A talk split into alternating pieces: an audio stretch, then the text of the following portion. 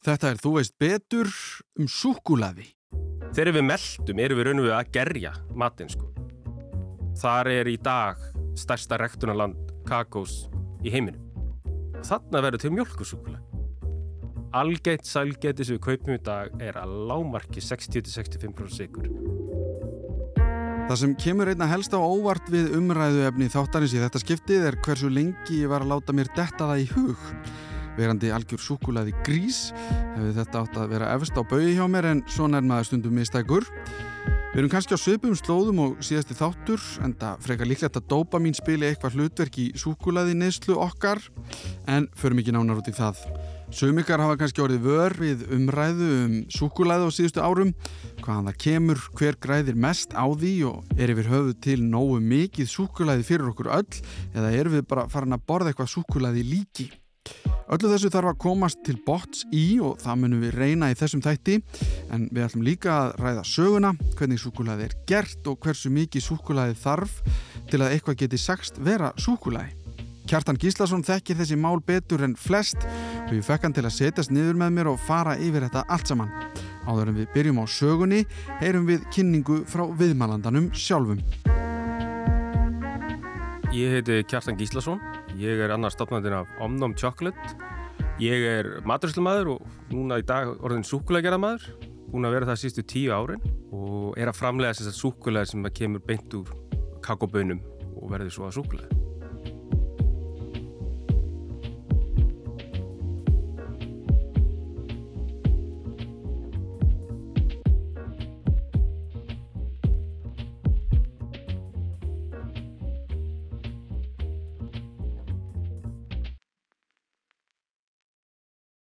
Við þurfum að fara svolítið langt tilbaka. Mm. Uh, við þurfum eiginlega bara að byrja að fara svona næstu 2-3.000 ár aftur í tíman og þar eru við með ættbálka í Suður Ameríku og Mið-Ameríku.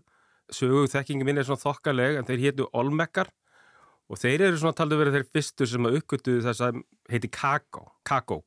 Þannig að ef ég segi kakó þá er ég að tala svona um aldinni sjálft sem við vinnum súkulega úr þar byrjar þetta sem drikkur í raun og veru að þeir eru að finna þennan kakóávöxt og inn í honum eru þessi fræ sem að með tímanum gerjast en við vitum ekki nákvæmlega hvernig þeir gerjiðu unnu kakófræin mm.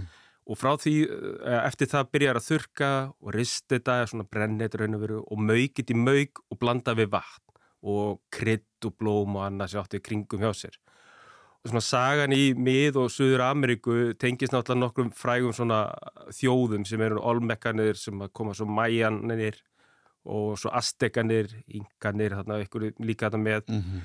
og þetta er raun og verið þegar að vestur löndin eða spátn eða kólubus er að uppgöta nýja heiminn að kakó kemur í, í ljós fyrir vestran fólk og mhm. við, eða við segjum við erum þá svona að fá fyrsta snefilin á því hvað þetta er og hvað þessi afurð er. Mm -hmm. uh, í þessum ættbólku var kakó svolítið svona fyrir efristjettinar og þetta var svona, eins og segja, alltaf drukkið. Þetta var alltaf þessi göróttu drikkur sem að þeir drukku við helgjaadafnir, svona sterkustu strísmenninir fengu skálaðu sáður en fóru ykkur á orustu mm -hmm. og svo bara inn á milli var líka tala um að þetta væri svona eitthvað svona frjósemisli þannig að þetta átt að hjálpa við það og kakóið náttúrulega hefur eitthvað innihaldsefni sem eru náttúrulega andóksunarefni fyrst og fremst mm. að, veist, við, það sem er búið að rannsaka með kakóið þetta hefur góð áhrif á hjartað og, og svona blóðstreymið og þessi andóksunarefni þannig að það er alveg búið að sanna það að kakó hefur góð áhrif á hilsuna og líka getur svona gefið smá endorfín skott mm -hmm. við réttar aðstæðir þannig að í réttri sérumóni, í réttu andruslofti þá trú ég vel að þetta gerir eitthvað fyrir fólk. Mm -hmm. en þarna þegar ég segi þessir ættbólkar eru svona uppgöða fyrst þá er þetta náttúrulega mjög beist og kakó í eðlisínu er beist braga, það er ekki sætt eins og við þekkjum að þegar við förum að tala um súkulaði þá erum við komin í aðra afurð úr kakóbauninni mm -hmm. þannig að við þurfum alltaf svona að byrja á því að aðskilja það. Þannig að kakóið og nafnið raun og verið kakó kemur af mæjan einhverjum kölluðu tríð, kaka mm. það, er, það kemur það nafn og nafni sjokklat er annað afbyrð sem að þeir er talið því að beist vatn og sjokklat byrjar með exi þetta er svona mjög svipa orðin sem við notum í dag á ennsku þá sjokklætt Mhm. eða súkulaði þetta eru svona þeir fyrstu vísminn sem, að nafnirinn eru kom til staðar Mhm. og, og þarna líka töldu þess ættbólk að þetta væri eitthvað frá Guði og það er setna meir þegar að sænsku grasafræðingur svona hvað, kringu 1750 ákveður að setja þetta inn í svona hvað heitir þetta, þetta er svona, eitthvað svona grasafræðirít sem er gefið út og nú erum við búin að finna nýja plöntu og við ætlum að kategorisera hana og hann kallar þetta Theobroma kakao sem þá er svona latneska fyrir fæða guðana kakao það kemur þetta nafn sem að, svona, hefur haldist eftir það Einmitt. En svona, ef maður fer svona aðeins rætti við söguna, það er náttúrulega þegar að Kolumbus kemur fyrst, uh, þá, hann er þá raun og verið landa eitthvað kringu dóminuska líðvildi sem er í dag. Það eru ættbólka þar sem færa honum sem gjöf, kakobeinir. Og hann horfir á þetta og fyrir honum lítur þetta bara út eins og lambasperðir. Hann er ekki alveg viss hvað pointið með þessu er og þeir smakket og þetta er umlegt á bragðið. Og hann einhvern veginn svona bara uh, dismissar þessu bara, æ, já, já, flott, hvað er gullið? Veist, hann, hann er ekkert skotin í þessu. sko. Nei, nei, eins og, já, já, ok Það er líka önnur svona mér tragisk saga bara hvernig þeir fóru síðan með þessa ættbólka en allt í góðu. En fyrir þeim var þetta gjaldmiðl. Í raun og veru voru kakobönir þarna notað sem gjaldmiðl, bara, Mhm. bara allt frá því að kaupa einn lítinn kjúkling allt upp í þræl. Þannig að þú veist, þú gast Mhm. nota þetta fyrir ímislegt í þeirrar svona menningu. Og þeir lítu mjög mikið á þetta, þetta væri mjög verðmætt hráverðni. Þannig að, eins og ég segi, þetta var eitthvað sem að þurfti bara að vera æsti prestur, prestur þurfti að blessa að Mhm. þú gast fengið að nota þetta í ykkur drikk. Þannig að fyrir þeim var þetta mjög svona sérstætt hráefni. En svo setna mér kemur annar hann landkönnuður sem heitir Cortés og hann fær líka kakopinjur að gjöf og hann hefði heyrt sögur af þessu og aftur heyrt bara að menn var ekkert að fatta hvað þetta væri. En hann fekk uppskrift líka. Uppskrift hvernig átt að búa til drikkin. Og hann ákveður að fara með þetta til spánar og kynni þetta fyrir hyrðinni og krúninni að hér er ég með þessa kakopinjur og hér er uppskriftin. Kongurinn, það sem hann gerir þá er að rauna að senda þetta í munkaklaustur. Það því að munkanir voru svolítið svona efnafræðinganir, vísindamenninir, þeir sem að svona þurftu að stúdira ykkur ef var eitthvað nýtt að koma. Og þeir prófa auðskriftir sem þeir fá og smakka og þeir alltaf, komast að sömu niðurst, þetta er allt og beist, þetta er ekkert vari í þetta. Þannig að hvað gerur ef þetta er og beist? Þú setur smá sigur og þeir setja hunang og smá vanil og smá kanil og reyna að þetta svolítið svona drikjarhæft og þá kemur eitthvað svona júríka moment hjá þeim. Og þeir sendi þetta aftur í hyrðina og þar slæri þetta gegn. Þetta er svona forsagan af hvað verður svo setna súkulaði. af því þetta er ennþá drikkur Já, Já, nú erum við bara að drekka þetta og með tímanum fer þetta svona að uh, spreddast á þá milli efri stjættinar í Evrópu. Mhm. Þetta verður svolítið spænsku konungur, ú, ég ætla að sína frökkunum þetta og ég ætla að sína austuríkismönnunum þetta, ú, sjá hvað ég á. Mhm. Og það vilja allir byrja að fá. Og samhliða þessu er náttúrulega svona þetta uh, nýji heimurinn að gerast. Það eru fleiri og fleiri að fara yfir í Suður og Miða Ameríku að nema lönd. ræn og rupla, Nákvæmlega. Drepa Já, já, og þetta eru hollendingar, englendingar og, og belgar og frakkar, Mhm. allir að leiðina og allir eru farnir að kynnast þessu kakó meira og meira. Og það er orðið svo vinsælt og það er byrjað að opna svona súkulaðhús sem eru svona hálfur kaffuhús eða svona betri stofan þar sem er bóðið upp á heitt súkulaði Mhm. og menn eru farin að leika sig við að setja rjóma út í þetta og alls konar annað dæmi. Og þetta er aftur, þetta er eitthvað voðalega fínt, þetta er voðalega posh og engin svona undir efri stjettin er að fá að upplega þetta Mhm. En þetta verður alltaf vinsallur og vinsallur þannig að það þarf að fara að planta meiri kakotrjám og það þarf að fara að finna leiði til þess að fá meira magn í einu. Mhm. Þannig að samhliða þessu eru þeir með nýlendur í Afríku þar sem þeir í raun og veru að færa kakobunnar sínar yfir og nota löndi þar til þess að rekta þetta. Og þetta er svona, hvað er góð íslensku, svona migration hérna saga kakobunnar, hvernig hún byrjar að sprettast yfir heiminn Mhm. af því hún er raun og veru upprunnin, það sem er svona talað verið upprunni er svona kringum Peru, Ecuador Kolumbíu, Bóluvíu, þetta er svona það svæði þar sem að upprunna kakó að hafa komið frá Mm. sem, sem svona færðið svo yfir alla miða Ameríku, allar upp í Mexiko og í dag finnur við kakó raun og veru allstar á þessu miðjarhafsbelti svona 20 gráður norður suður þetta er náttúrulega planta eða tré sem þarf að vaksa við réttar aðstæður, það þarf að vera svona mikill raki, svona mikill hiti en líka við skuggi yfir tréinu því að þú er ekki mikla sól Mhm. og fyrir eitt tré að gefa ávöxt getur tekið alveg tíu ár þannig að frá því að veri fræ og orðið að tíu ára gamlu tré þá fer það að bera ávöxt og það tekur kannski, að ég segi það er kannski svona 60 ávöxt þessi hvert tré gefur af sér og einn ávöxtur, við setjum það í samræmi hvað það er Mm. Ef ég er að framlega súkulæðstykki þá þarf ég raun og einn ávöxt fyrir 1,70 70% súkulæðstykki en ég geti kannski gert þrjú mjölkursúkulæði úr einum ávexti. Þannig að þú þarf ansi mörg tré þú þarf ansi mörga ávexti til þess að fá alla þessar kakobönir til þess að mhm. búa til alltaf súkulæði þannig að þeir eins og sjá fyrir sér að það þarf meira land og mm -hmm. þarna raun og veru kemur kakobönir til Afriku og þar er í dag stærsta rektunarland kakós í heiminum Mér líður þess að við séum að tala um nýlendustöfnu stórvældana og súkulæði í sama Já. sömu andrá. Þetta er alveg tengt. Þetta, þetta, þetta er tengt og þú sér það kannski líka sérstaklega hverjir eru þekktasti fyrir súkulæðsitt í dag. Hvaða land er það? Ég er að fara að segja Sviss. Heitur og það er það og Belgia. Já, ok, já. Og þetta eru þessi tvö lönd sem að og það er og verið saga baku það hvers vegna Sviss er svona þekktur í súkulæðsitt og okkur belgar eru þekktur í súkulæðsitt. Mm -hmm og það er raun og verið með belgana ferðið aftur í nýlandu tífambili þar sem þeir hafðu náttúrulega aðgengi að kakói, mikið aðgengi því þeir voru með margar nýlandur hérna í Afriku mm -hmm. en það sem þeir svona perfektu svo með tímanum var að búa til svo kallar pralín eða konfektmólana með þessari fyllingu, það er raun og uppfinning belgana og svona þeirra framla til sukulega kultúrsin sem erum í dag. Mm -hmm. En þar á undan, ef við svona spóla aftur tilbaka, þá ég er að koma svona inn í yðnbildinguna. Þannig er raun og verið fara hlutin er að gerast og við förum að sjá súkulega verða það sem við köllum súkulega í dag. Mm -hmm.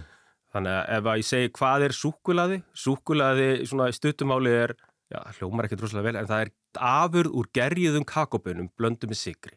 Þannig að til þess að búa til súkulaði þá, þetta er svona eins og að fara í smá tölvuleik þú þart að gera nokkuð sidequest, svona hliðaverkefni mm -hmm. til þess að þú getur fara að búa til súkulaði sjálf.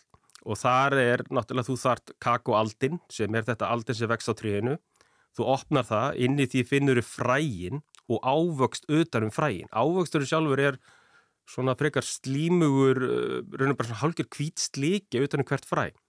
Og þú getur svona ekki beinleins borða, þú reynir sígur þú setur fræðið upp í þig mm. og þú einhvern veginn bara svona södrar á því og þetta er svona, þetta minnir mér melst á svona kjarnan í kífi, þetta er bara svona pínust mm. lepjulegt og rosalega sætt þetta er mjög hátt í fruktosa og þetta er sjálfur ávöxturinn. Hvað er þetta stórt? Hvað erum við að tala um?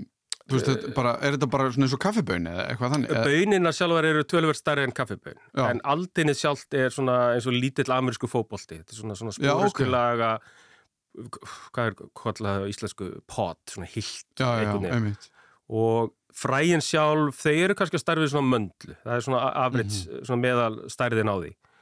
En fræin er svo breytið um nafninu á fræinu yfir í baun, því þetta er það sem við köllum svo baunin á eftir. Því að við þurfum að gerja bauninar til þess að fá bragði, til að fá þetta þekta súkulega bragð. Og mm. það gerist í gegnum gerjun ef við gerum það ekki þá endur við bara með eitthvað svona beiska möndlu keims bragð. Mm -hmm. Þannig að gerjunaferli er svolítið það sem er svona aðal verkefni sem þarf að fara í áðurum við getum fara að búa til súkulæði og gerjun svona, það er að tala um endalistu hvað gerjun er, einföldum áli er það náttúrulega bara það sem er niðurbrot á einhverju ráöfni uh, þar sem að bakterjur er að gera áðast á sigrið eða kolvetnin í vörunni og svona umbreytin allri þannig séð, brjótana niður. Uh, eins og í súrdeisbröði þá er þetta gert að því þú fær svona aðeins öðruvísi textjur á brauðið og það verður líka auðmeltanlegra fyrir. Mm. þannig að þetta er og við tölum okkur borðum við súrdeisbröði, okkur er það betra. Það er þægilegra fyrir svona okkar hérna, meldingakerfi að vinna í gegnum. Já, ég meina ég geri ekki það, ég vil tala eitthvað mikið um mig en ég er með minn einn kefir heima á mér. það sem ég er með kefir grjón sem geta laktosan Já. og gerja í raun mjölkina og skilsta í misu og síðan hennan massa sem er einhvern veginn þá mjölkin sem er búið að borða eða eitthvað þannig að það lítur að vera bara veist, og, og við erum líka með kimchi veist, allt Nákvæmlega. þetta, súrkál og allt þetta þetta er allt gerjun Þetta er allt gerjun, vín, bjór, ostar, jógurt þetta er allt einhvers konar gerjun sem á þessu stað mm -hmm. einhvers konar niðurbrot sem að hefur náttúrulega þetta endriðsólt að fyrir okkur og meld þetta verður betra mm -hmm. Kanski hotlara líka? Já, sjálf og sér, þú er betri þarmaflóra er, mm -hmm. er, er betra fyrir okkur öll sko. já, já. Mér, þegar við meldum erum við raun og við að gerja matinn sko, við erum að ráðast á hann með örfurum og bakterjum og sírum og brjóta allt niður svo við getum unn út nærikarefnin mm -hmm. en það er náttúrulega önnur umræðið sjálf og sér Nei, menn, þetta var bara mjög einfallega sett fram En gerjan og kakobönum, hún á sér oftast alltaf stað á þeim stað sem að kakói vex. Því þegar raun og þú eru búin að opna ávöxtin þá er gerjunin hafinn. Þú eru búin að opna fyrir súrefnið inn í ávöxtin og þá byrja bara örfurur og bakterjur að ráðast á. Mm -hmm. Þarf kakobönin ekki, ekkert til þess að byrja að gera, byrjar hún bara á því að gera það sjálf eða erum við að, að íta undir það, flýta því einhvern veginn? Sko, það er að besta við kakó ávöxtbönina eða þetta er innifallið, það er ávöxturinn sjálfur. Hann er fullur af sigri og það er það sem að bakteríunar og geri elskar. Mm. að geta upp og byrja að umbreyta og hækka sírustíð í hérna böninni þetta er svona eins og segja, þetta er svona innbyggt kerfirunur mm. en það er ekki það með sagt að sumir sem er að gerja veit ég nota jafnvel ávöxti til að hjálpa, til þess að raða eða jafnvel til þess að eh, breyta bræðinu það er alveg bætt sigri hjá sumum en mér sé þess að banana hérna viðbætingu miklu skemmtilegri kemur skemmtilegt bræðveksili af þau mm -hmm. en aðað bara ef þú ert með góðan ávöxt sem er heilbreyður og flottur og, og orðin hérna, þroskaður þá er sigumagnin það mikið í honum að þú þart ekki að setja einn meira mm. núna þartu bara að setja þetta í svona, þú tæmir aldininn, sapnar öllu saman í risastór kér svo lætur þú bara náttúrulega fara að vinna fyrir sig mm. og endanum breytist þessi ávöxtur í etanól sem er náttúrulega nánast bara reynd alkohól og það heldur svo áfram að umbreyta kakóinu og mynda þessi flavoníð sem er bragðið. Það er raun og verið það sem er aðal máli með að gera þetta. Mm -hmm. og endanum eftir svona viku einu og hálfa þá ertu búin að gera allt, þú ert raun og búin að drepa fræið, þú vilt líka gera það. Þú vilt að það geta ekki sé, spýrað eftir þetta, eftir þetta ferli, þú vilt að það sé dáið á þessum díamúti, mm -hmm. dramatísu það umar En, og svo þarf að þurka þær, það eru mjög slímuar og slepiljar eftir þetta ferli. Það er annað svona vikuferli, oft bara gert undir byrjum himni, láta sólinn láta skína þetta, er raka fram og tilbaka. Og þá er það nánast tilbúnar í það sem við fara að vinna úr því í súkulæði. En áðurum við förum í það, að við vorum bara komnið til Belgi og Sviss Já. og Nýlendana, áður en ég fór að einhverja heimsveldapælingar hérna. Sko, þetta er komið til Afríku og þar verður þetta síðan stærstu eins og þú sagðir, það bara eru flestar kakóplöntur eða tré í heimi í dag. Svona mesta magn sem mesta magn, er verið að gera það já, sem er náttúrulega bara aflegging af því að þessar nýlendur eru að fara þanga og segja, heyr við þurfum meira af kakóbönum við ætlum að láta þessi tré hingað. Mm -hmm. hvað gerist síðan? Að því að við erum ekki einu sinni sko, við erum ekki komin á þann tímapunkt eiginlega þar sem að sko, þú veist að því að súkulað í dag er náttúrulega bara þú ferð ekki inn í neina einu einustu búð á þess að það sé súkulaði sem þú getur keftir. Mm -hmm. Hvernig byrjar þetta sem einhver neyslu vara? Það byrjar eins og segi, þetta er eh, í yðinbildingur er svona stóru hlutin að gerast. Mm. Þar byrjum við að sjá alls konar svona sjálfveðingu, framlegslu, tæki, tól sem er að koma, veist, vélar, stóra, mm -hmm. stóra stóra byltingin eru náttúrulega bara alls konar vélar og massin sem er byrjar að, kakobönina sem er byrjar að koma bæði frá Afríku og líka ennþá að vera flytja frá Söður Ameríku og Mið-Ameríku er orðið það mikið magn að nú getum við loksist fara að láta aðra upplefa þetta, mm. nú er það komið offrampaða af þessu þannig að það er einhver snillíkur sem hugsa um, herðu, hvað er kakobön? Kakobön er 50% feta og eins og við kannski þessum árum var alls konar fýtar og vermætt í hitt og þetta bara hvort það er til að smyrja vélinar eða jafnvel til að nota sem hérna, í snirtuvöruðina mm -hmm. og mhm, annað mm -hmm. það var svona hollendingur Van Houten ef ég maður rétt nafni Þeir heita allir Van Houten Já, er það ekki líka Simpsons? Jú, jú, jú, Van Houten, já, einmitt Mér minnir það, kannski er ég að rugglaði saman Simpsons Nei, það er líka, já, þetta er bara alveg rétt þér Ég er bara líka að reyna að muna hverju fundu upp hérna smá sjó, hérna sjónugan og þetta, já, það var um eitthvað svipað. Eh, þeir finnur, hann finnur upp þessa pressu Að, uh, til, til, í fyrsta skrefin að búið til súkulega þá þarf það náttúrulega að rista kakobunnar og svo þarf það að búið til það sem heitir kakomassi sem mm. eru bara malaða bönir og þá var þetta gert með svona, þar til gerðum steinmillum svona ekkert ósvipa á bara á vennilega millur og þá færði hann að massa sennan brúna, drullukenda massa. Áður en við blöndum sikri inn í þetta og fyrir að breyta þessi súkulega þá er þetta bara þessi massi. Massin er svo settur í svona pressu. Mm -hmm. og þetta er bara eins og, hvað kallar þetta, svona vökva uh, hydraulic press Vökvapressa eða eitthvað, já, eða eitthvað svolítið það bara þrýstir Nákvæmlega. þessu saman bara í eitthvað svona ótrúlega þjættan er það ekki? Bara mjög þjættan massa. Já. og þarna þegar massin er heitur þá náum við að taka fytuna frá, hún legur úr massanum hún er tekinn til hliðar og það sem situr eftir í pressunni er eitthvað svona kakó-kaka og það er raun og verið fyrsta kakóduftið þannig að þegar þú tekur massan aðskilur fytuna frá eftir situr það sem verður svo endar um kakoduft mm. og kakoduftið opnaði fullt að nýju möguleikum. Að því nú gastu tekið mm. þetta og þú gast baka með þessu þú gast setja þetta í drikki á þess að verður þurfað með fytuna og þá er þetta að fara að búa til alls konar aðrar afurður úr þessu. Einmitt. Þannig að kakoduftið sem er þá sérst, afurðin úr þessum fyrsta fasa hvernig maður býr til súkulæði. Þetta er einhvern svona hliðarskref að því að ef ég fyrir svo að segja hvernig við fyrir að gera alvöru súkulæði endar þá ger ég ekki þetta skref eins og ég býr til súkulæði. En ég er svona yðinvæningunum sjá þér þarna, ú, þarna get, erum við komið með eitthvað. Mm -hmm. Að því raun og verið getur svo búið til súkulæði aftur með því að blanda þessu saman aftur en í því magni sem þú vilt, nú þarf ekki að nota eins mikla fytu eða eins mikið kakoduft, þú getur svolítið stjórna ferðinni. Já, einmitt, e, já, einmitt, þetta er kannski svona meira, einsku verða manageable, svona, já. þú veist, þú, já, þú getur hatt meiri áhrif á hvernig vöru viltu enda með. Meira konsistant, það sé, alltaf sömu gæðin sem þú ert að búa til. Mm -hmm. Þetta er ódýrara aðferð uh, í dag þegar ef að framlegendur er að gera súkula með þessum hætti en við skulum ekkert kannski endilega, jú, við getum farið út Förum út í þetta, En það er aðmáli við þetta þessi bilding er þarna, nú, eins og ég segi kakó getur verið núna kaka og í raun og veru bara nokkrum árið setna er fyrsta sakkartertan komin í hótel í Vín sem er einn ein frægasta súkula kaka í heiminum. Mm og þarna er komið, ú, við gáttum nota kakotufti í eitthvað og bakarinn er svona fundu leiði til þess að fara að vinna með þetta.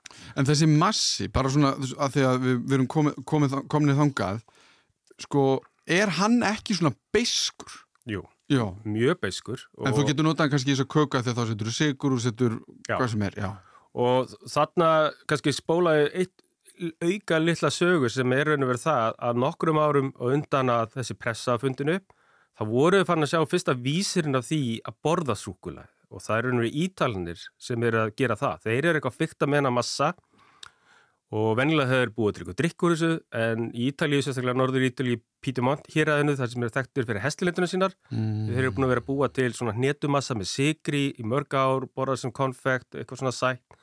Þeir fyrir að blanda kakomassan úti og það er annað svona júríka móment fyrir það. Það er, uppkvitað er eitthvað svona sem við myndum kalli í dag að hálkir pralín en þetta er það sem þeir kalla gianduja og er það sem er orðið í dag Nutella. En þetta er þá svona ja, Þetta er svo magnað. Að þið auðvitað líka að þú veist hinn klassiska blanda súkulað og herslinhettur sko. og þetta eru ítalinir, þetta eru þeir sem er að koma og þannig ertu komið actually bita sem er svona skaf úr, hann er mjúkur. Mm en svolítið þykri en það er nöttella er í dag, þú getur ennþá fengið þetta. Þetta er ennþá framleitt nákvæmlega svona í dag og góður stöðum í Ítalið, þú ferir bara ykkur góðar svona selkjöru verið búð þá finnur svona flotta Gianduja móla og meiri sér auðvitað hérna í bæ í Vimberinu sko, þetta er auðvitað selt þar. Mm. þetta er auðvitað svona fyrsti vísirinn af því þar sem við erum fann að sjá súkulaði í ætuformi, ekki lengur drikkjaformi mm.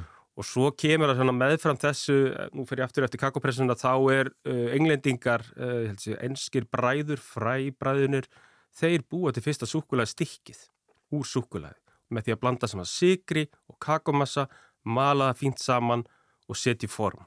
Og það er raun og fyrsta súkulæði biti sem er komin. Mm -hmm. Og þú eins og betur réttilega á þann, þetta er beist ennþá. Þráttur að setja sigur út í kakomassa, þá er það sem við myndum kalla bara sem við flestur eru alveg uppið suðsúkula það er dögt súkula, mm. það er ekki uppáhold allra, en það er það svona hrein... Ég elskar suðsúkula Já, veist, veist, það maður hefur alveg svona, hvað segir ég, svona guilty pleasure of fyrir þessu hlutum, en dögt súkulaði er náttúrulega hreinasta útgáfan á súkulaði, þar sem þú ert komið bara með sigurinn, sem balansera beskina og þetta er orðið svona þægilega ætt og mm -hmm. þú mhm. getur brætt þetta, þú getur bakað þú getur gert fullt úr þessu En er það sko bara svona, af því að þú talar um brætt þetta og allt þetta þannig að, nú ætlum ég bara, ef maður er að baka eða eitthvað, þessir hérna brættu suðusúkulega í skál yfir hérna vatn, eða svona, hvað sem er Vassbæði? Já, vassbæði, já Ef að það væri ekki sigur í suðusúkuleginu, mm -hmm. eða mhm. hvaða súkulega sem það er myndi það ekki bráðan svona? Er það sigur sem gera verkum að þetta verður svona fljótandi eða ef ég væri með hann massa sem kemur úr sér vél og myndi setja hann bara í þetta vaspað myndi það sama gerast? Já, eða, já. Þa, það er fytan það er fytan já. sem er bráðnar En er hún ekki komin úr þessu massa? Ekki öllu leiti kannski. Nei, veist, sko, þá ertu bara með kakotuft. Því að til þess að vera súkulæði þá þarf að vera með kakofituna í blöndun en þá. Já, já, já. Og ef þú ert bara að tala um hreinan kakomassa þá ertu alltaf með fituna þar. Mm -hmm. Ferli sem ég var að lýsa áðan er þegar við aðskiljum kakofituna Ok, já, þannig frá. að þeir voru ekki, já, já. Það er eins og ég segi, það er svona hliðar prósess. Mhm. Ég skal koma betur á það eftir hvað er raun og verið að vera að gera í dag með þetta. Mm Mhm. Því í dag, kakofita gengur líka undir rafnir kakosmjör. Þannig að þetta er sami hluturinn. Þú getur keift þetta út í búð, hérna, flesti stórmarkar er farin að selja þetta núna. En hún brána við svona 45 gráður. Og það er basically bræðslustig fyrir allt súkulega. Það er svona 45 gráður. Það er þegar allar fytu mólekúlunar eru bránar í sjálfu sér.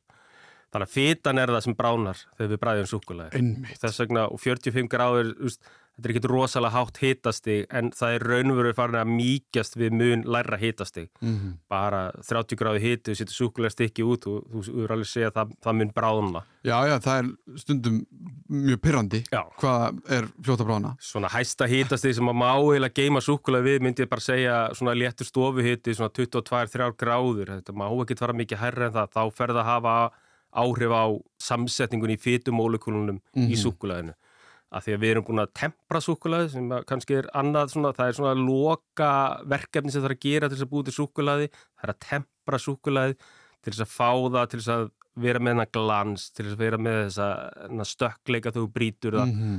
og raun og veru bara að þú getur haldi á því og það er svolítið svona ekki frá brána almeinlega í hendina þér strax. En sko, við erum hann í Englandi, þeir búa til fyrsta súkulæði stikkið. Já, Hvenar er þetta? Er þetta alltaf Þetta tíma? í kringum viðbæltinguna? sko, uh, Aðeins setna kannski. pressan er að koma að einhvers þar 1830, þetta súkulæst ekki er að koma einhvers þar 1840 Mm -hmm. og svo eftir það er raun og veru önnur lítil byltinga í þessu stað í Sviss og það er segna kemur Sviss svona stert inn Mm. og þar eru uh, tvö nöfn sem er ennþá fræg í dag, það er Henry Nestle sem er apotekari, svona lífjafræðingur uh, annar maður sem heitir Rudolf Lind annar hérna Ekki, já, við erum komin á kunnulegar slóðir. mjög og þeir eru ekki að vinna saman Lind er að einbetta sér að því að búa til kakómassa sem verður mjög fín og mjög mjúkur þetta súkulega sem kom í Bretlandi á mjög gróft Mhm. og bragði svolítið svona stert en hann var eitthvað með eitthvað svona kenningu um það ef ég nota þessa tegundi vél sem kallast á ennsku conch sem ég ásvöld er með þýða almenlega þetta er svona Einmitt. Þetta er svona vél sem að raun og veru lítur út þessu þóturhreifill þegar maður horfir svona inn í það og þetta eru blöð sem að skrapa svona sívalings-game og það er raun og veru það sem að kakói fyrir inn í og er malað hægt og rólega nýri mjög, mjög fína massa. Mhm. Þetta er það sem við myndum kalla silkimjúkt og það er þessi vél sem gerir bara súkulega framlöndu kleift að geta búið til meira magn í betra svona áf, betri áferð Mhm. Og getur malað sigurum betur inn í. Og kannski legg þess að vél aðeins til hliðar í smástund vegna þess að það sem að Henry Nestle var að gera með uh, öðrum hérna vinnu sínum þeir voru að finna upp þurkaða mjólk eða aðferðis að þurka mjólk. Á þessum tími er svona ungbarnadauði en þá mikið mál Mhm. og marga mæður fá ekki aðgenga mjólk. Þannig að hann vildi finna upp leið til þess að þurka mjólkina svo var þetta að senda hann hvers sem er þurfti bara að blanda við vatn og þeir eru þarna tveir, hann heiti Peter oh, ég man ekki alveg eftirnafni á honum þeir eru tveir sem að vinni þess saman brjóta heilanum hvernig er besta leiðin að þurka mjólk og svo er þetta að bæta bara vatn í hana og þá geta allir átt mjólk hvinna sem er og hún er ekki að súrna eða mm -hmm. og þeim tekst að finna þessa aðferð Sem er dólið fallið pæling með við Nestle umræðuna í dag. hvað Nestle er í dag Já. þetta multi-corporate fyrirtæki sko. Mhm.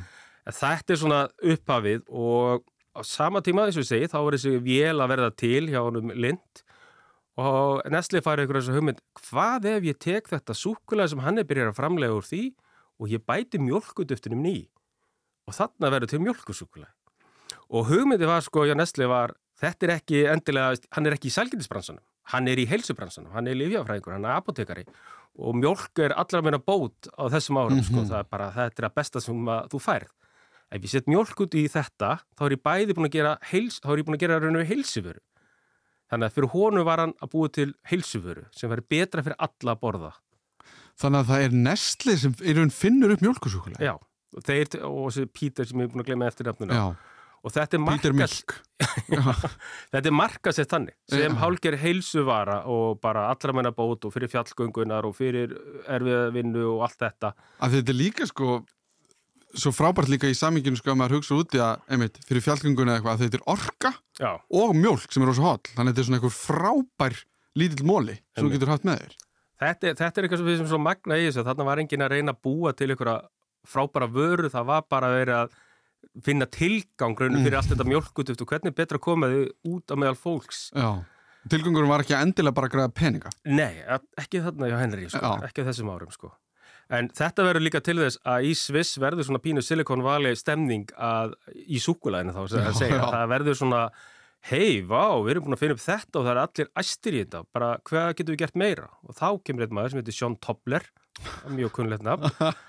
Að hann uh, á eitthvað svona uh, æsku minningum um eitthvað nammi sem hann borðaði með hnétum og núgati frá Ítalíu og, og var búin að sjá hvernig mjölkusúkulega virka og vildi bara setja það inn í og svo vildi hann myndi lítið út þessu fjöld og þá erum við bara komið með mest iconic nammi sælgæti í heiminum, súkulega stykki í heiminum. Mm -hmm. og þetta er svona, þarna fara svolítið hlutir að gera. Cadbury er að verða til í Breitlanda sama tíma. Er þetta að segja mig líka að það sé einhver náðungi sem hétt Cadbury? Það, ég, þetta er of þetta er of fyndið eitthvað svona sko þetta er svona eins og riprap og rupp sko, þetta er eitthvað Nestle, Lind og Tobler eru hérna að búa til sín sjókulega Já, eitt nafnur eru eftir sko. Okay. en Cadbury, ég þekk ekki alveg söguna það okay. mér finnst það mjög líklegt að þetta sé eitthvað svona Lord Cadbury sem að hafi verið þarna með eitthvað. Eh, svona reynu verið síðasta stóra nafni svona, klára þetta name drop er maður sem heitir Milton Hershey mm. sem er bandarækja maður og hann er á heimsýningu rétt fyrir aldamótin 1800-1900 og þar sér hann þessar mjölkuþurkunar velar sem svistlendingarnir eru búin að vera að þróa og hvað þeir eru búin að vera að gera við það. Hann var ekki í súkulæðinu þessum ári en hann fær bara eitthvað ljós í hausinu og svo bara, mm. ég ætla að gera þetta.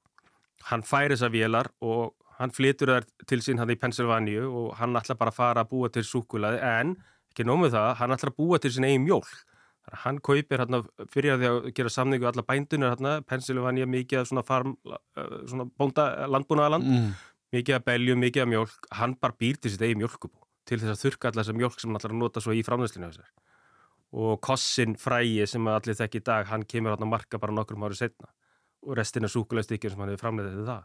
Einmitt. þannig að Herseys er svona hann sér hvað er að gera þarna í Silicon Valley, Swiss sem á mann ekki hvað dalurinn heitir, eitthvað Lorraine dalurinn eða eitthvað mm -hmm. og tekur þetta til Ameríku. Og þá er það bara, veist, hann á þann markarinn verið eftir það. Já, og, og svona, þetta er svona pínu og restis history Restis history nefna hvað svona... Þú veist að með þessu, að því, þú veist, þú ert að nefna nöfn sem eru svo rosalega stór En þarna fyrir við svo, Toblerone er svona fyrsti vísirinn á því hvað við köllum þetta bara sælgetistykki, sko. Þetta er ágættið súkulistikki, ég hef ennþá gaman að borða Toblerone, sko. Mér finnst það bara klassík, mm -hmm. bara umbúðina, brandið, allt saman. Búið að fara í gegnum eitthvað þeitivindu hjá brandingdeildinni því að þeir mátt ekki lengur nota fjallið í umbúðinar, því að færðu vesmiðin held ég til Sloveníu frá Sviss. Svisslendingar eru mjög hardir á því að vera nota eitthvað svona, svona já, vilja ekki að þú setja eitthvað nota eitthvað svona signature landslæg frá þeim í vöru sem er ekki framleitið þeirra landi sko. mm -hmm. þú farið ekki Rolex sem er ekki framleitið Sviss sko. þetta, þetta er þeirra alveg grótharðir á þessu en þetta er svona byrjun á því hvað verður í dag sælgæti. Sælgæti sem er svona aðgengilegt fyrir okkur var ekki til á þessum tíma og þetta mm. er það sem verður svona fyrstu svona vísinu því hvernig við upplöfum sælgæti í dag. Og það er ekki raunum fyrir svona rétt fyrir setni heimstyröld þar sem þetta fyrir að flegi ferð. Þetta verður náttúrulega súkulaði, verður svona snildar hlutur sem hættir að setja í, hvað köllum við þetta, svona nestispakkan, rasjónpakkan í hermönum og við þekkjum þetta vel hérna sögu Ísland sko, bara þegar bandarsku hermönu komið, skutlandi hörsist ekki um í allar áttir Einmitt. og þetta verður svona, þarna fer þessi framleysla á fullt út um allan heim í rétt fyrir stríð og við stríðið, þarna mm. geta þeir verið að búa til þess að veru og strax eftir stríð þá fara ansi kunnulegna að poppa upp Mars, Snickers, M&M Reese's Pieces. Reese's Cup og allt þetta og þetta er raun og veru bara alveg þangað til svona 1980 erum við bara í byllandi svona sælgetis framlustlu og svona pjúritana súkulaðið er ekkert komið á daskra að tala um súkulaðið sem eitthvað svona meiri upplifun, meiri svona bræðprófílar eða mm. hvaðan upprunniðan er Þannig verið að blanda saman alls konar bönum hérna þar á heiminum, ristar mjög hátt, þannig að bragðu yfir allt svona frekar júniformað. Ristunin er náttúrulega sá það ferli sem að getur ákvarður rosalega mikið hvernig bragði verður á súkulæðinu. Þannig að því meira svo er ristara, því meira svona brendari bragð kemur, en það verður eins og við nefndum á það, verður svona meira júniforma. Mm -hmm. Þannig að þú þarf ekki að vera að díla við ykkur á núans að hvernig uppskýra var eða hvað, hvort þú setjast að blanda bönum hérna og þar á heiminum. Já, þá er þetta fjölda framleiði þetta miklu auðveldar þú verður allt með svona stöðuga vöru í raun raun og veru, það, kemur eitthvað svona sem þú kallar bara eitthvað svona ríkisbragð sko. það, það, það bara er eitt uniform bragð sem heitir sukkulaði og það er engin núansar í því þetta er mhm. bara alltaf alveg eins en Valróna sem er sukkulaði framleiði í Fraklandi, það verður stopnað kring svona 1920, þeir voru svona byrjuð bara því að vera að búa til uh, kakó sukkulaði, eða sukkulaði fyrir bakari og veitingastadi og hafa raun og verið svolítið það hefur verið þeirra ær og kýr síðan þá.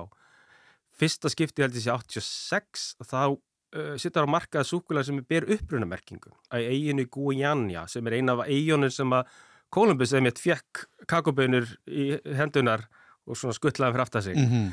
Það var svona gert til þess að minnast að þess að kakoða á sinu uppruna og hefur bræðprófíla og Valróna fór svolítið djúft í þetta að finna kakobönur við að veröld og framlega súkulega engöngu úr þeim baunu frá vissum landsfæðum mm -hmm. og það er svona meiri hvað ég segja, svona katalóging það er svona verið meira svona uppgrunna verka og flokka já. hvaðan bauninu er að koma hvað aðbrið er þetta, af hvað trí er þetta og menn bara hvað, hvað hvað trí er þetta er allt kakotrí, nei nei þessi helstu kakotrí sem við tölum um, Criollo Trinitario og Forestero og Forestero er það trí sem er þólir mest svona álag af skortýrum, alls konar sjúktum og þannig og það er líka það trið sem gefur mest af sér. Mm -hmm. Þannig að flest okkar sem hafa bara súkulega hafa fengið fórister og kakobeinir. Og hver er munun þarna á til dæmis? Ef við erum að tala um þessar þrjár tegundir sem svona kannski þær stærstu? Þetta, þetta er aðalega bræðmunur og það er sjálfsögur stærðamunur mm -hmm. en bræðmunun er sérstakur og þól trjána er mitt til þess að þóla er mitt svona ágang aðra dýra, skortýra eða eitthvað sjúkdóma. Það er náttúrulega mjög eins og kriólo sem er raunir bara svona 5% allir heimsframlæslu og með það brað sem er svolítið svona öðruvísi.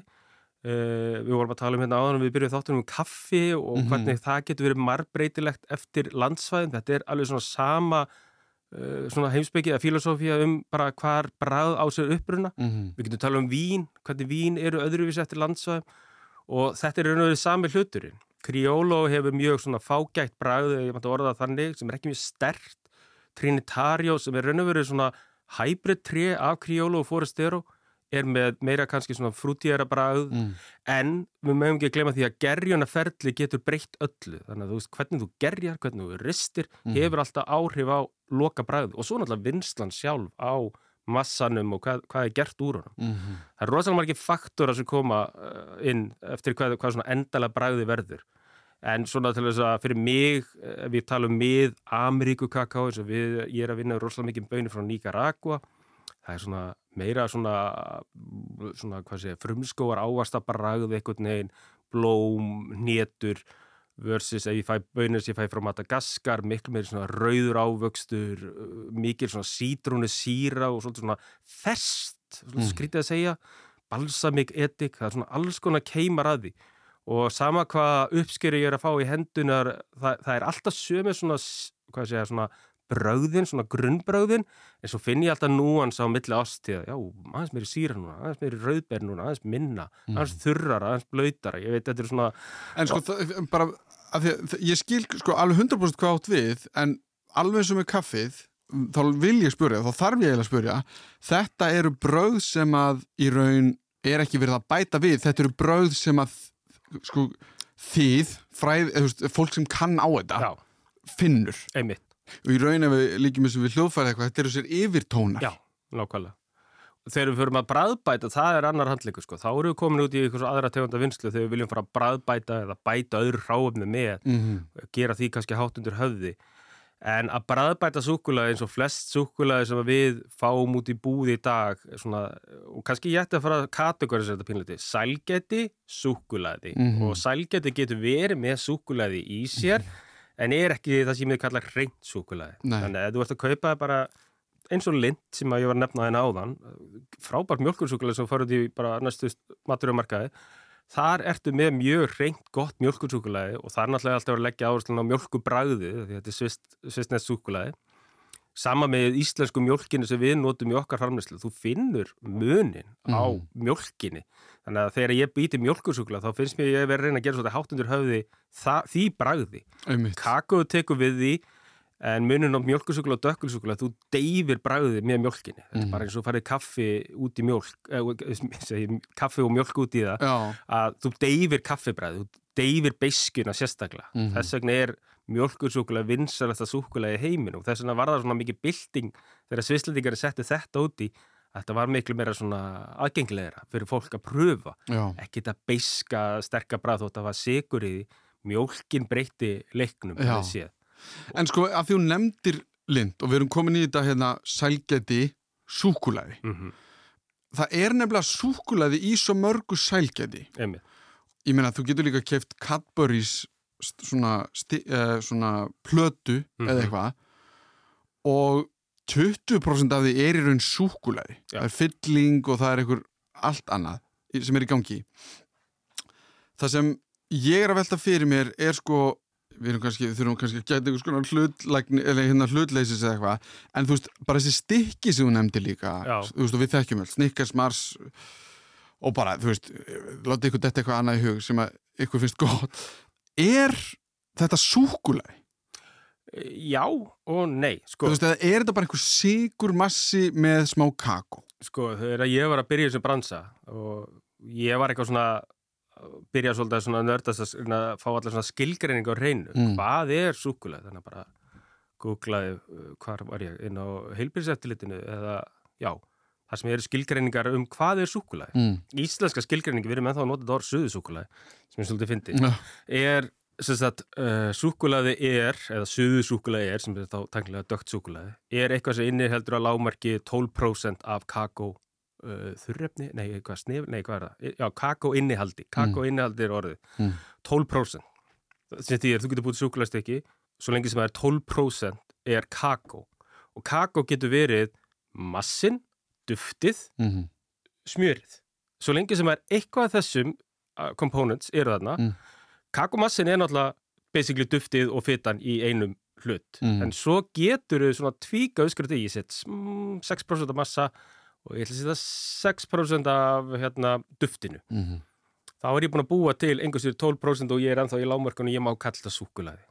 En 12% af einhverju er ekkert sérstaklega mikið? Nei, þetta er lágmarkið. Já. Þetta er bara lágmark svona stipulationi. Já, ég er að segja að, að, veist, að, að það er kannski fínt að vita það. Já. Að þú mátt kalla, þú veist, ef ég myndi fá okkur rétt á maturstað og segjum bara eitthvað, ég myndi fá plokkfisk. Já síðan stendur 12% af þessu er fiskur.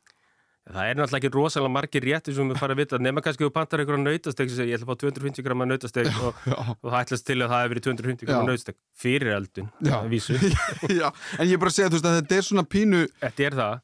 Því að við erum öll að verða svona mjög um veðvitum hvað er við að, hérna? En það sem ég kalla ekki súkula er þegar að þú ert ekki að nota kakofituna eins og segi, kakofitan er svolítið svona hjartað í blöndunni. Þú mm. verður að hafa, að því það er sem verður áferðin í raun og veru.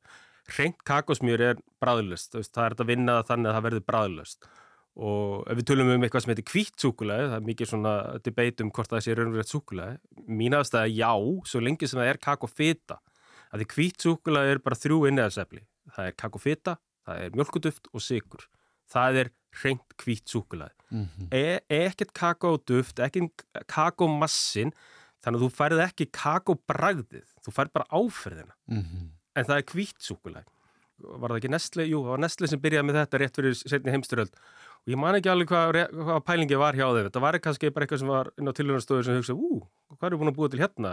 Bara nýjvara? Já, bara hér eru við með súkulæg sem er ekki súkulæg en samt súkulæg og það er svona, fólk skiptist alveg hópa með þetta hvort það er ekki fyrir mér er það, vegna þess að ég, það sem ég skemmtilegst að gera með kvítsúkulæg, þarna er ég með svona bara hvítan strega sem ég má bara stjórna ferðinni eins og mm. ég býtir súkulega með lakris og kaffi. Það sem er grunnun er hvítsúkulaði en svo koma önnur innæðalsefli sem fá að stjórna ferðinni. Hvernig mm. bræði, við búum til súkulega úr íslensku byggi. Og margir halda að þetta sé súkulega bræði þetta er bygg bragð sem bara kemur úr ristuðu byggi sem við blöndum við þannig að mér finnst hvítasúkulega kategóriðan svolítið svona skemmtilega því þar fá súkulega framleitur að vera svolítið ævintýra gjarnir mm -hmm. að leika sig með en aftur að þessum svona lámarskröðum er ef þú notar ekki kakofituna og fer að nota einhverja aðra herta júrtafitu þá ertu búið, þá er þetta ekki lengur súkulega þarna dreg ég allavega línun um leið og það kemur inn í blönduna þá ertu komið eitthvað súkulíki mm -hmm. í raun og veru. Þó stundum er þetta að kalla þessu fallega nafni hjúpsúkulaði og þú lítur aftan á les bara hvað er inn að þessu efni. Það getur alveg verið kakosmjör en það getur líka verið með hertur í júrtafeiti mm -hmm. og þetta er gert fyrir þægindi fyrir þá sem að er að nota þetta í kannski eitthvað svona hjúbun eða eitthvað mm -hmm. blöndun og vilja, og vilja ekki eða um einhverju tími að tempera þetta því að ef þú temperar ekki súkulæðið almenlega þá færðu þess að hvítur rákir í það Eh, þetta er ekkert skadilegt, þetta er bara ekki fallegt, nei, nei, nei. Veru, þetta er raun og bara kakofitan að sleppa þau eru svona allir að haldast í hendur og ef þú gerir þetta ekki rétt á sleppir ykkur höndunum og þá koma þessu kvítu slíkjur mm. á yfirborðið á súkulegðinu og þetta gerist sérstaklega oft eins og kannski nefnda á þann að ef það er heitt og þú ert með súkuleg ekstra úti og svo ferður með það inn og það kólnar og þá harnar aftur, mm -hmm. þá gerist þetta Ég segi alltaf þetta eru kakofrumindir að sleppa hendunum frá öðrum mm. og einhverjir fara upp á yfirborðið og mynda þess að kvítu svona kallt sem er miskili og halda þetta sér mikla en þetta er súkulega sem getur ekki mikla því að innireldur ekki neitt vatn þannig að versta sem gerist er að það þrána með tímanum og það er fytan raunum sem þránar. Já, já, einmitt. En sko, við erum búinir að fara smá í einhvern veginn ferlið sem er súkulaði gerð en ef við sko að því við erum búin að fara yfir þú tekur, það er áhugsturinn og það eru fræjum sem byrjaði að gerjast og þau fer í, í hérna svona tunnu eða eitthvað etanóli myndast og, og þar verða the flavonoids Já. hérna til síðan er það ristað mm -hmm. sem er pínuð eins og kaffi umræðan sko Já. og þar líklegast er þetta líka stillingarættri hversu mikið vil ég rista og hversu mikið hérna allt þetta og þá kannski að þú nefndir að því meira sem það rista því kannski uh, stöðura bragð ertu alltaf að fá mm -hmm. sko þú ert búin að rista það og þú ætlar að gera þú segir svo að þú, þú ert að fara að búa til súkulæði hvað tekur þá við hjá þér? Uh, ristun, þá lefum við náttúrulega bara bönunum á kóluna í sólaring, svo afhýðar það er svo, það sem var raun og verið mjúk skil er orðin stökk skil utanum kakobönuna, það þarf að brjóta þér upp og afhýðar taka hýðið af. Við notum svona sérstaklega vél í þetta. Aldrei nota, fundið Íslands orð fyrir þetta heitir Winnover mm. eða afhýðingarvél þá erum við komið með þennan reyna kjarna úr kakobeinni sem við erum farin að kalla nippur núna. Þetta er alltaf svona smá prósess hvernig sami hlutunum byrjar alltaf að heita ykkur nýju og nýju nöfnum. Mm. Fræið verður að baun og verður svo að nippum. Sérlega getur þú kæft kakonippur út í búði boka. Þetta er bara grunnurinn á súkuleikjar, það er það sem við kallum nippur. Þetta er raun og bara baunin, búin að brotni í litla smærri einingar, þess vegna fyrir við að kalla þetta nippur, mm. kakonippur þær þurfum að fara að mala og við þurfum að mala þær í einhvers konar stóru tæki sem er nógu þungt til þess að brjóta en líka svona hita upp kakofittina hægt og rólega því við viljum bræða hana því ef þú gerir þetta mjög kallt hitastig þá kemst það ekkit áfram. Þú bara er, þá bara hardnar, það er bara hard þannig að þetta þarf að vera í þessum 45 gráðum mestalagi 50 gráðum. Og malast og það sem gerist þá þá opnast þær og þá gísal upp svona alls konar uh, lykt af úr gerjunaferlinu, mjög súr lykt. Mm. Þetta er ofta svona mitt, einn af mínu uppáhaldstímum í súkulega gerðaferlinu, það er þetta svona crack them open, það er að mm. fá þessa lykt komandi upp og þetta er svona æðisleg etiks balsamik lykt sem kemur, kakólykt að sjálfsögðu, en svona alls konar aðri núansar. En við þetta ferli er ég líka að losa mig svolítið við af þessu bragði, því ef ég gerir þetta ekki nóg lengi og við venjulega vinnum okkar massa í svona þrjá sólarhinga, þá getur það svona mjúkur og fít mm að ég myndi enda með miklu súrara súkulaði. Allt líka fyrir eftir hvernig ég hef ristaða þar undan. Ef ég mm. ristaða meira, þá hef ég kannski ekki þurft að ágjöra síruna því hún er eiginlega bara brunnuð upp í ristunni. Mm. En mitt persónulega preferens er að rista er svona lágt, medium lágt til þess að halda svolítið þessu integrity. Ég fjekkaði mitt hérna Reykjavík Roasters, Torfa sem er einn af stofnunum þar, til að hjálpa mér svolítið við ristunum. Minn bakgrunn er maturslumæður þannig ég kunni ímislegt fyrir mér en ég svona vildi skilja vísindir á baku hvernig þau hugsa um kaffibunna sínar þannig að við svona yfirfærðum það inn á kakobunna ristunum okkar mm -hmm.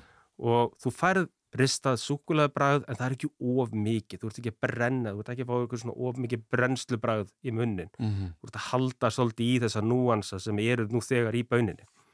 Hins er að þú ert að gera mjölkursúkulega þá getur þú leftur að rista við herja hittastig að því eins og ég sagði á hann mjölkin drefur svolítið þetta núansa bræð. Einmitt, það er bara það sem að gera þegar maður fær kaffi úr einhverju vél sem að, já Settum á mjölk og það verður bara í lægi Fyrir einhvern kaffi barista sem er búin að eða miklum tíma í búið ykkur falla og skuttla með einhverju mjölk og sigur út í það En ég meina, það, það fyrir allt eftir hvað enda afurinn á að vera og mm. ég, í þessu tilviki ef ég var að halda áfram að gera dögtsúkulega þá myndi ég fara að bæta bara við sigri Jafnvel bæti ég smá kakosmjöru með til þess að létta á massanum því að hann er mjög þykkur mjög þykkur og þú vilt kannski hafa hann öllum mér að flæðandi þannig að verður þægilega að vinna með hann.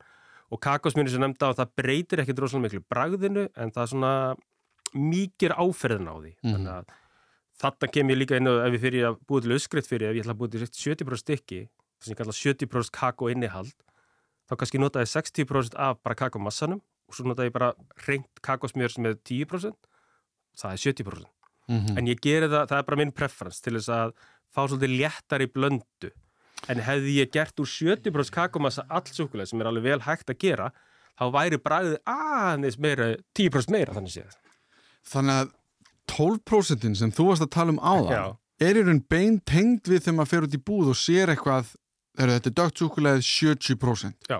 þá er verið að segja bara það er 70% að minnstakosti Kakóinnihald. Kakóinnihald. Er það eins og ég sagði, það getur verið samsetning af massanum, það getur verið kakódufti og fytunni. Mm -hmm. Þetta eru þau þrjú, svona þrá, þrá leiði til þess að gera súkulega. Mm -hmm. Þú mhm. getur búið til súkulega úr bara kakódufti, þú getur farið út í búðununa og keftir kakóduft og kakósmjör, brætt kakósmjör í örbylgjófni og ég myndi bara rétta hérna skrið hvernig þú gerir það, svo bara hræður kakóduftinu úti og sigri og svo lefur það bara standa og voilà. Þú ert tæknilega sér búin að búið til súkulega þá. En hvað svo gott það? Fyrir eftir kakóduftinu hversu gott kakoduft sem notar í það, það raun og verið það. Og það er oft mjög svona generik bragð af öllu kakoduft mm -hmm. uh, allt kakoduft sem við kaupum út í búið það er svona, það er búið að, hvað heitir þetta? Alkalæsa það, það er svona búið að ekki sírubaða, það er svona eitthvað búið að hvað heitir þetta, þetta er raun og verið hefur áhrif á litin á því, þannig að þú færðin að dökka sterkar lit, mm. ég hef fengið kakoduft sem er mjög létt ristað og var eiginlega fyrir svolítið vombrum, það var lífurhænt og rosalega flott en það var ekki með þetta kikk sem er svo vanur úr vennilega kakoduftinu þess vegna ef ég er að baka þá vill ég freka nota bara þetta svona, það, það er fullt af góðu kakodufti þarna úti en mm. þú vilt treysta á það þannig að þú ert að gera eitthvað köku eða mm -hmm. eitthvað kremi úr því að fára alltaf þetta vennilega brað en við blöndunum eins og okkur þá er þess að segja, þú ert búin að útúða öllu þessum síru rókjörnu bráðum og þú ert komin svolítið inn í kjarnan á súkuleganu hvað það er. Sigur eins og segir er bara bræðbæta það fyrir alveg eftir preferens hvað þú vilt setja mikið sigur mm -hmm. segjum við hefum gert 90% súkulæði þá hefur 10% bara verið sigur 70% súkulæði þá er 30% sigur mm. og þetta er bara hversu mikið sigur þartu, hvað mm. þartu að draga fram hversu litla beisku viltu ekki hafa. Þannig að þetta er alveg svona, verður svona persónulega smekksadri hversu mikið sigur þarf að vera. Minn svona preferens er að fara aldrei yfir 40% sigur það er bara, og þar meiri sem finnst mér að orða pínur sætt algeitt sælgeti sem við kaupum í dag er að lámarki 60-65% sigur hvort það er snickers eða eitthvað annað. Mm -hmm. þetta, mhm. þetta er að lámarki 60-65% sigur það er gífilegt mikið magn. Það er alveg fárlegt og það er bara mjög einfald ástað sigur er ótir Þú veist, er eitthvað svona stórt sem að þér finnst vera eftirvarandi til og með hvernig maður gerir súkulæði? Kanski aðalega bara hvað, hvað er eiginlega búið að gerast núna eftir það sem ég nefndi svona í sögunni, sögulegu samhengi, svona eftir þetta valróna sett á markað eitthvað svona upprunavottar súkulæði að minni framleiðendur eða bara eitthvað svona frumkvöla fór að gefa þessu gaum að bara get ég búið til súkulæði? Spurning sem ég spurði sjálfa mig á sínu tíma bara að því ég aðeins alltaf tengdi þessi sem eitthvað svona stórum versmiðum fullt af vélum og brjálaði að gera getur lítill framlegand orðið mm. til og það var í svona minni litli rannsóknum við komst að það voru rosalega margi byrjar að gera bara í aldursunum hjá sér litlum svona herbergisunum og minna en þetta sem við sitjum inn í núna með litlar vélar, raun og veru voru að nota vélar sem hafa komið frá Indlandi sem voru notað til að gera karrimauk sem voru svona litlar steinmillur og bara eins og ég voru bara að inn í eldúsjásir, kaupa bönir á netinu af einhverjum svona kakonördum sem mm. voru byrjar að svona kaupa inn kakoböni hérna þar á heiminum, rista í opninu hjá sjálfsir og þetta fekk svona viðnefni bean to bar reyfingin eða frá böni beta mm -hmm. og úr þessu hafa sprottið alveg hundru ekki þúsundur lilla fyrirtækja eins og sem ég stopnaði að þetta er svona litli framlendur sem hafa fókusera rosalega viss landsvæði og vissa tegund af kakói og vilja eitt ná svona bragði fram sem er aldrei sett á marka áður. Og alveg eins og ég og fleiri við hefum líka leikið okkur með að búa til eitthvað svona hlýðarsúkulega útrúsu, bara þetta er, þetta er svona Pandora box, þú byrjar að leika að vinna með þetta, það mm. er svo rosalega margir möguleikar með súkulega, hvað þú getur notað í og gert með það, en þetta einfalda úr einhverju kakabögin frá einhverju vissu hér eða frá einhverju vissum bónda, það er eitthvað svo reynd og fallegt við þetta og einhver svona tenging við fortíðina að þetta var eitthvað sem við vorum ekkert búin að vera að gefa gaum almennilega, eins og ég mm. sagði þann það hefur kannski bara alltaf verið eitthvað svona vennilegt brað af súkulæði ef ég gefið súkulæði hérna í ykkur blindsmak þú fattar, þetta er súkulæði, ég hafði að sé vestar súkulæði sem ég gefði þér, þá mútti fatta að það er súkulæði Það er til nóg af vondu súkulæði líka bæði Það er til. Og þetta er með unnurinn kannski það sem ég held að svona framtíðin er að fara í í súkulæðabransunum að líka það að súkulæði ætti að vera dýrara en það er í dag að því að svona önnur svona geopolitics sem kannski við tölum ekki um bara hvað er að gerast í dag í kakóheimur hvaðan er kakó að koma, hver er að týna það trjánum? En það er einmitt það sem ég ætla að fara að spyrja út í Já. það tengist í raun framtíðarmúsík líka af því að það er talaðum og ég sem svona súkulaði perri og þá meina ég að því leiti bara að ég bara, mér finnst súkulaði svo gott Já. ég hef ekki farið í að búa það til sjálfur en eftir að hafa talað við þig þá er ég árin tölvert heitari fyrir því það er þessi upprunni, það er þessi uh, hérna, ég er að fara að segja exploitation, það er mm -hmm. þessi hérna vera notfæra eða kannski, já. Já, þú veist, það vera sko misnota í raun bændur, súkulaði bændur eða, já. já, bændur. Veist, hvert fer peningurinn veist, er fólkið sem er að týna af trjánum og allt þetta. Þannig að súkulaði er orðinpínu svona, það fengið svona ljóta mynd. Já og það er ekki að litlu leiti þessum fyrirtækjum sem við tölum um áðan að kenna. Mér finnst að Nestle er með slæmt orð á sér mhm. fyrir mm. bara sína viðskiptætti. Ég veitir eitthvað ekki ja, mikið um hín fyrirtækin en Nestle er mjög mikið umræðinni sem dæmi. Af þess þó að ég, ég vil setja fram, þú veist, það er það sem maður heyrir og maður heyrir bara að súkulaði sé einhvern veginn sko ekki að verða útdöytt mm -hmm. heldur það er ekki til endalust af því en við verðum samt framleiða endalust af því Einmitt. þannig að það sem ég held að sé í huga mér og kannski margra aðra en annara sem finnst úrkvæðið gott til dæmis, það er sko, erum við að borða alvöru súkulaði í dag skilur við, eða erum við að bara borða einhverja gerfi vöru mm -hmm. þú veist, og þá meina ég bara einmitt þetta, þú veist, 5% kakomassu og síðan bara sigur eða hvað sem það er og varðandi framtíðina veist, hvernig lítur þetta út bara að þessi þúsundir litlu fyrirtækja sem eins og þú talar um eigi ekkert róð í fyrirtæki sem framlega mörg hundru þúsund stykki á dag? Miljón Miljón, já þú veist, já, þetta er bara eitthvað svona gigantískt magn, við tölum um Cadbury við tölum um Hershey's, þú veist, þetta er bara svona eitthvað algjörlega galið magn. Og maður hugsaður, hvernig gengur starfræðin upp, hvernig er hægt að framlega svona mikið af kakobönum? Þetta er náttúrulega hægt með, eins og við nefndum á með þessum vissi tegundum af trjám sem gefa miklu meira af sér en þetta er líka þau tré sem er ekkit endilega með floknustu bröðin, mm -hmm. þessu einföldu generísku bröð. Vinnuaflið, það er náttúrulega er ódýrt, það er mjög ódýrt. Við til dæmis sem við verðum að kaupa kakoböru frá Nicaragua, þar sem vinnuaflið er ódýrt þeir sem eru raun og verið að týna þetta af agrinum og selja svo raun og verið þriðja aðila, sko Infostruktúrið í kakobransan getur verið alls konar og það sem við höfum verið að vinna með er oftar að líka einhverju sem er eins og MS-er, mjölkursamfélag. Mm -hmm. Þeir kaupa mjölkina á bóndunum og búa svo til afverðið úr því og það er oft verið það sem við höfum verið að vinna með þeir eru þeir sem kaupa bönir á bóndunum og gerja. Þeir þurfa svo búa til svona finnist produkt fyrir okkur að geta mhm. byrja að búa til súkulæði. Í einu tilbyggi erum við að kaupa bara beint af einu landsvæði þar sé að hann, sá sem reyku það, hann á landið og hann á gerjunarstöðina líka mm -hmm. og er mjög spesifik hverjum hann selur líka sko, hann vil ekkert selja hverjum sem er. Mm -hmm. Við erum alltaf borga líka töluvert herra verð fyrir þetta kakó. Við erum að borga þegar heimsmarkasverðir er kring 23 dólara, erum við að borga alltaf í 79 dólara og þetta er allt í dólarum sko mm -hmm. og pluss flutning. Þannig að það er, það, það er náttúrulega töluvert herra vöruverð sem við erum náttúrulega að díla við. Ef ég var í bandaríkjunum þá getur þetta verið kannski ölliti læra með flutningnum, það er aðeins betri flutningsleiðir eh, þar að sé, en, Já, erum en, en stóra umræðin er náttúrulega bara hver er svo á endan, hver er að fá mest fyrir þetta. Mm -hmm. Það er svona einhver framlegandi, mínu tilviki að vera ég, en líka sá sem ég selða til það eru mínu kunnar, þessu verslannina, mm -hmm. keðjunar, þeir eru að fá stóran bit af kökun líka með sinni álagningu mm -hmm. og ég held að ég var að sjá svona graf, við vorum að rástefni fyrir að ég sé aftur og þar var ég að sjá svona graf um raunveru hvað er bóndin að fá það var undir 8% mm -hmm.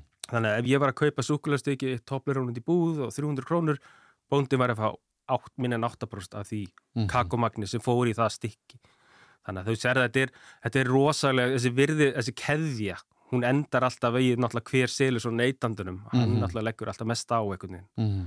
En framtíðin myndi ég segja er björnt og þessi þúsundu fyrirtæki sem ég nefndi sem við teljum okkur til að vera þessi bíndu barframlendur, við erum kannski meira svona pínlitli lobbyistar. Við erum kannski svolítið að segja stóru fyrirtækunum vitið að þið getið alveg farið að framlega betra súkulega með betra aðstæður og borga bændunum meiri pening og við erum kannski að búa til markaðin fyrir þau, að því við erum þegar að byrja að sjá stóru fyrirtækin spila út þessari setningu bíndu bar sem þeir eru réttilega að gera, bara í miklu stærra magn. Mm -hmm. Þegar við kvöllum þetta bíndu bar þá var þetta lítið og krútlegt og tengingakæðjan okkar við þá sem vorum að kaupa var mjög stutt og meiri persónlari.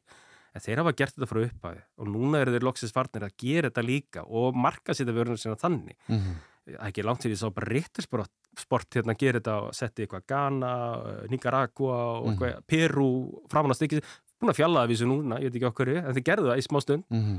að heldur kannski að þetta væri eitthvað bita kökunum sem þeir ætti að vera að hluta af en nú er þeir bara aftur að gera massipannstykki og allt hitt Já, af því að ég meina að það lítur líka sko, ég veldi bara líka fyrir mér hvað myndi maður segja regluverkinu Já. þú veist, hvernig regluverkinu er haldið við, af því að þú veist, ef ég er með eitthvað stórfyrirtæki og það er eitthvað, herðu, það vilja allir hérna bara lífrændi eða hérna vottað, ok, herðu, bætum bara þessum stimpli hérna á, veist, mm. það, en það er eitthvað regluverk sem er að halda utanum, herðu, þú getur ekki bara gert það sem þú vilt, þú verður að, að sanna þetta.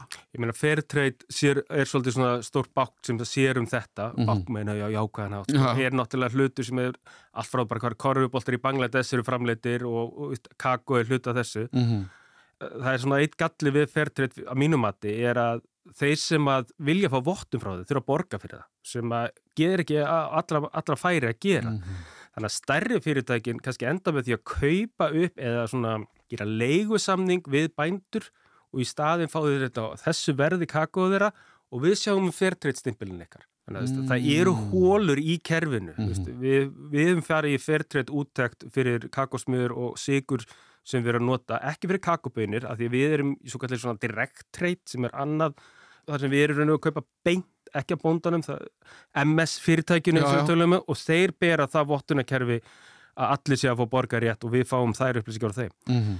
en við erum alveg lendið því að sjá eitthvað sem við leist ekki á og bara hættum um leið eiga viðskipti við slík, mm -hmm. slík aðeila þannig að við hefum svona lærðum þetta fyrir svona nokkur maður síðan hvað þarf að gera til þess að vita allt sé í lægi og við meirum sér að fórum svo djúft í þetta við tókum út MS við tókum út MS með sömu stöðlunum við tókum út kakobönnunar mm -hmm. bara að vita nákvæmlega hvar mjölkin okkar kemur hvernig hún er unni, hver fær borgað og hvernig, og náttúrulega kerfi á Íslandi því að A plus með við allt annað En ef við fundum eitthvað sem að fór undir uh, einhverna gefinu sem við gáum okkur, fyrir ekki það var frá 0 upp í 10, þannig að ef við fundum eitthvað sem að var að fara undir 7, þá var það svona orðið gull. Mm -hmm. Þannig að þá þurftum við svona aðeins að fara dýbra inn í, nei við getum ekki notað þetta, við getum mm. ekki unni með ykkur. Þannig að... að þegar við byrjuðum sko söguna á einhvern veginn að tengja súkulæði við næstu við nýlendu stefnur stórveldana, að við erum kannski að einhverju leita að vinda ofan af því sem núna þú veist Já og það sem ég er skemmtilegt að sjá svona, sem ég, ég hef búin að vera að fylgjast með þessu núna næstu meirinn tíu ár og verið að mæta á þessar sölusýningar og rástefnir og hitta þetta er rosalega gaman, þetta er rosalega skemmtilegur hópur sem er að sjá öllum heiminum að ég er að sjá fleiri og fleiri að koma frá uppröðlöndunum hvort það er frá Mexiko eða Belize eða Ecuador Uganda er að koma með súkulæði, Fílabreinströndinni er að koma með súkulæði sitt mm -hmm. frá sínum hérum, búið til á staðnum og maður spyrir hvað er að vandamáli í ykkur? Orkuverð, flestum er það orkuverð því í öllum þessu löndum er mikil hiti og það er ekki aðalega vélana, það er kæling og annað slikt, en það er orkuverð sem er erfitt fyrir þau að ná að búa til svona sjálfbæran eh, business úr þessu sem er bara mjög skiljalegt en á móti þau fá ráöfni og allt öru verði gæða ráöfni sko sem við kaupum dýrara og eru á staðinu og eru að framlega á staðinu og eru að búa til business á staðinu og þetta finnst mér að vera, er ég að sjá meira og meira að koma núna. Bara eins og í Mexiko, það er búið að vera kakó menning í mörg segi, það er hlutað þessari sögu. Mm -hmm. eru komað ótrúlega flott hérna, fyrirtæki núna. Og bara súkulæði sem gera er bara frábært, það er allt öðru sem bragðaði og bara það er svo gaman þegar maður ferir mitt og er að prófa. Og stundum alveg búin að fá nóga súkulæði eftir svona síningu en ég elska því að uppgöta eitthvað svona landsaði sem ég held að væri bara já, þetta er bara svona vennilegt, verður bara svona eitthvað ótrúlega upplöfun bara eitthvað sem ég ekki prófa á þau eins og frá Indonési, Indlandi. Það er meira þess að eina ameríska súkulæði það er búið til á Hawaii. Það er einn vinnur okkar sem við þekkjum. Hann býr úr kakoböunum sem vaksa á Hawaii og býr til súkulæði það það er eina alvöru bandariska súkulæði sem til er.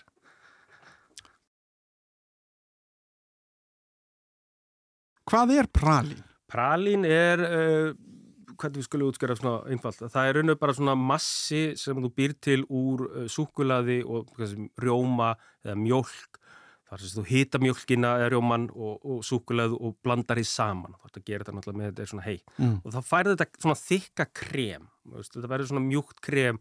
Þú getur skorið til bita og hjúpa þessu með súkulaði Þa, það er svona klassist prali. Pralin getur líka átt við karmilaseran Uh, hnetur uh, möndlur eitthvað þannig sem þú svona brúna sigur í pönnu og hendir úti og, og það harnar og svo malar það í svona þunnan massa. Ég man aldrei hvort þetta er á franskunni praliné eða mm. pralín þetta, þetta er eitthvað svona, svona smá munur. En pralín eins og ég tala um það var þessi súkulega uh, sem er blandaði svo bara við heita rjóma. Þetta getur líka verið smjör. Mm þú farir svona krem og þetta er mikið notað eins og ég segi konfektfyllingar og, og kökukrem og annað þannig séð. Þannig að það er, eins og ég segja, það sem belgar náttúrulega gerðu var að raun og verið að fatta hvernig það var að búa til öðruvísi vöru úr súkulæðinu, eitthvað sem er með fyllingu, eitthvað sem er meira surprise, eitthvað sem er bara konfekt eins og við þekkjum það í dag. Það er raun og þetta belgiska uppfinningin sem svo hefur þróast út, ég menna Reese's Cup getur alveg flokkast undir svona eitthvað svona pralín, eitthvað svona konfekt en á svona ódýrari öðru gæða leveli sko. En sjálfur sér er þetta það sem er svona einhvern veginn byrjun á öllu sælginum. En þú greinir hérna til og með bara snikkarstykki þá sérðu að þetta er ítalst ítalsk svona uppfinning en búa svona svona yðnvæðana á svona amerískan hátt. Þetta hefur allt svona, þetta á alltaf sér einhver svona baksögur annari menningu mm -hmm.